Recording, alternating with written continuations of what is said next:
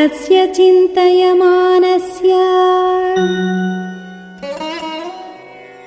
महर्षेर्भावितात्मनः